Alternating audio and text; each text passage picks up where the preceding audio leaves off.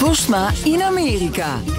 Tijd voor het Amerikaanse nieuws door de ogen van onze correspondent in Washington, Jan Postma. Jan, in Atlanta zijn ze heel teleurgesteld in president Biden.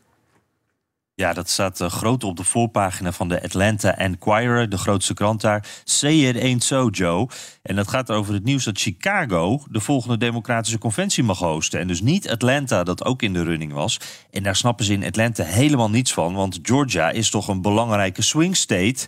En ja, Illinois niet. Uh, dit nieuws choqueert de stad, maar de staat Georgia is nog steeds een battleground state. Zo troosten ze zichzelf een beetje. Maar die hele voorpagina ging erover met alleen maar teleurstelling van waarom hebben wij dit niet binnengehaald. En ja, Chicago zal ook juist gekozen zijn, niet om de staat Illinois, maar ook de staten eromheen. Wisconsin en Michigan natuurlijk, die wel uh, ook heel belangrijk zijn. En de Chicago Tribune die heeft het een stukje kleiner op de voor, voorpagina. En dat is ook wel logisch, want ze hebben al 25 keer een democratische of republikeinse conventie gehad. En dat is een record. Dus die, daar zijn ze al lang niet meer onder de indruk van het nieuws. Nee, vind jij het een verstandige keus? Als je gewoon strategisch vanuit de Democratische Partij redenerend denkt: ik, nee, ik stort mij op het Middenwesten en niet op het Zuiden.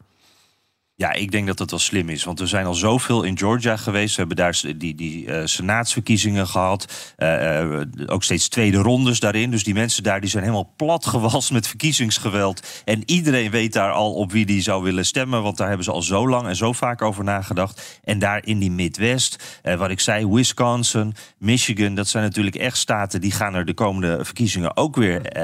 dat wordt weer super belangrijk. Dus ik snap hem wel. Ja, ja. en het is ook de, de plaats waar Hillary vandaan kwam, waar Obama vandaan kwam. Het is niet niks. Yes. Ja, ze hebben daar wel enige roots in. Even wat zeggen, ja. Hey, even het onderzoek naar Trumps rol rond 6 januari is breder dan gedacht. Ja, dat is uh, een van die onderzoeken van Jack Smith, de onafhankelijk aanklager.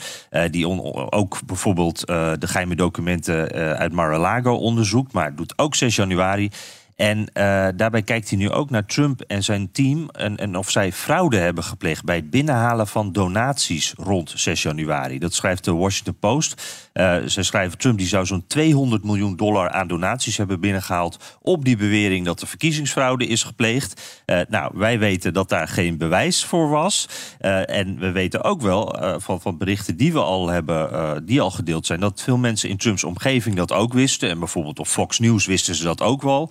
Uh, daar is nu een grote rechtszaak over, ook over een andere rechtszaak. En nu worden e-mails en sms'jes van Trumps team ook onderzocht om erachter te komen of zij achter de schermen ook erkenden dat dat verhaal van fraude eigenlijk niet waar was. En of ze dus donateurs bewust hebben voorgelogen. Of ze intern andere dingen zeiden dan dat ze naar buiten toe zeiden. Ja, ja en, en we weten niet of dat bewezen kan worden natuurlijk. Maar uh, het is wel een heel interessante, want dan krijgen wij misschien ook wel te horen wat ze intern daarvan vonden. Ja, maar goed, ik denk dan, Jan, als ik tegen jou zeg: stort eens geld op mijn uh, kas, want vanwege mijn mooie bruine ogen. En jij doet dat en je komt er daarna achter dat ik blauwe ogen heb, dan vraag ik me af of dat strafbaar is. Het is niet netjes, maar is het strafbaar? Nee, dat is een interessante. Dat moeten ze dus nog ook uh, voor elkaar te zien te krijgen om dat te bewijzen. Er is eerder ook uh, zo'n zaak geweest. Maar toen is het uiteindelijk niet uh, voor de rechter gekomen. Dus toen is het niet zo ver gekomen. Dus we weten dat ook niet helemaal. En wat ik zelf ook wel heel interessant hierbij vind. We weten dat er één iemand is in dat Trump-team die eigenlijk nooit e-mailt, die nooit sms't. En dat is precies hierom. Dat is Trump zelf. Dus ja, uh, de kans dat die hierbij ook maar enig spoor heeft achtergelaten, lijkt me ook ja, heel klein. Dat is moeilijk aan te tonen. Nog, nog even een dingetje. Is een voormalige advocaat, Cohen die, uh, daar, die, die heeft een aanklacht van Trump. Die eist 500 miljoen dollar van Michael Cohen.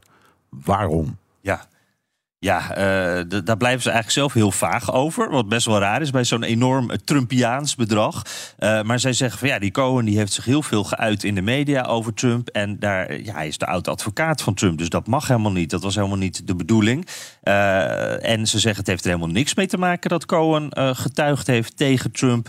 Uh, in, in die. Uh, in die Stormy Daniels-zaak. Ja. Stormy Daniels-zaak, ja, precies. Dat zwijggeld. Uh, waar Trump natuurlijk voor ook zich moest melden. Dus zij zeggen daar heeft het niks mee te maken. Maar ja, als je het dan zo een beetje bekijkt, dan is de timing wel heel bijzonder. Natuurlijk een goede week daarna. En ja, de, de, de Cohen wordt op deze manier ook nog eens een keer in een kwaad daglicht uh, gezet. Hè? En dat zou wel eens een soort tactiek van Trump kunnen zijn. Want Cohen is de star witness van die aanklager Elvin Bragg in die zaak. En nu horen we er weer dus dagenlang allerlei verhalen ja. over dat die Cohen niet te vertrouwen nee, is. Maar die van Trump komen. Ja, maar ik denk Cohen heeft waarschijnlijk ook inmiddels een olifantenhuid. Want hij heeft al drie jaar in de gevangenis gezeten vanwege deze dingen. Dus die kan wel een tikkie hebben, toch? Ja, dat denk ik ook wel. En hij weet precies hoe Trump denkt. Dus hij weet ook waarom Trump dit doet. Oké, dank Jan Posma.